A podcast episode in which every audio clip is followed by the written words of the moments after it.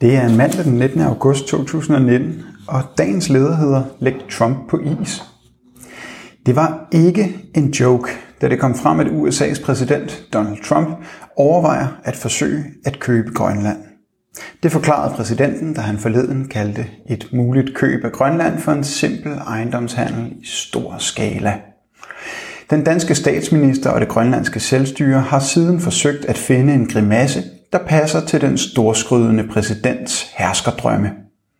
Ganske fornuftigt har begge meldt ud, at Grønland ikke er til salg, og at landet i øvrigt tilhører grønlænderne og ikke Danmark. Farsen er et underholdende maskefald for lederen af den såkaldt frie verden. Monopolkapitalismens første grosserer Trump lægger ikke skjul på, at i hans verden er alt til salg. Nationalstater, sundhedsvæsen, demokrati. Mentaliteten er et levn fra den glade kolonitid, hvor Danmark solgte de vestindiske øer til USA, og det er metoder, som trængte storkapitalister ikke er blege for at finde frem igen. Trump viser med sin nedladende ejendomsmælerretorik, at intet kunne interessere ham mindre end den grønlandske befolkning, og alle dem, der hylder USA som et demokratisk fyrtårn, får stadig sværere ved at opfinde argumenter.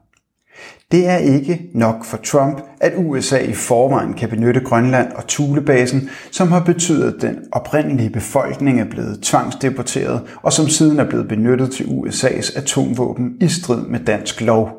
Som om det ikke var nok, resulterede USA's udskejelser i Grønland i ulykken i 1968, hvor et bombefly med kernevåben faldt ned nær Thulebasen.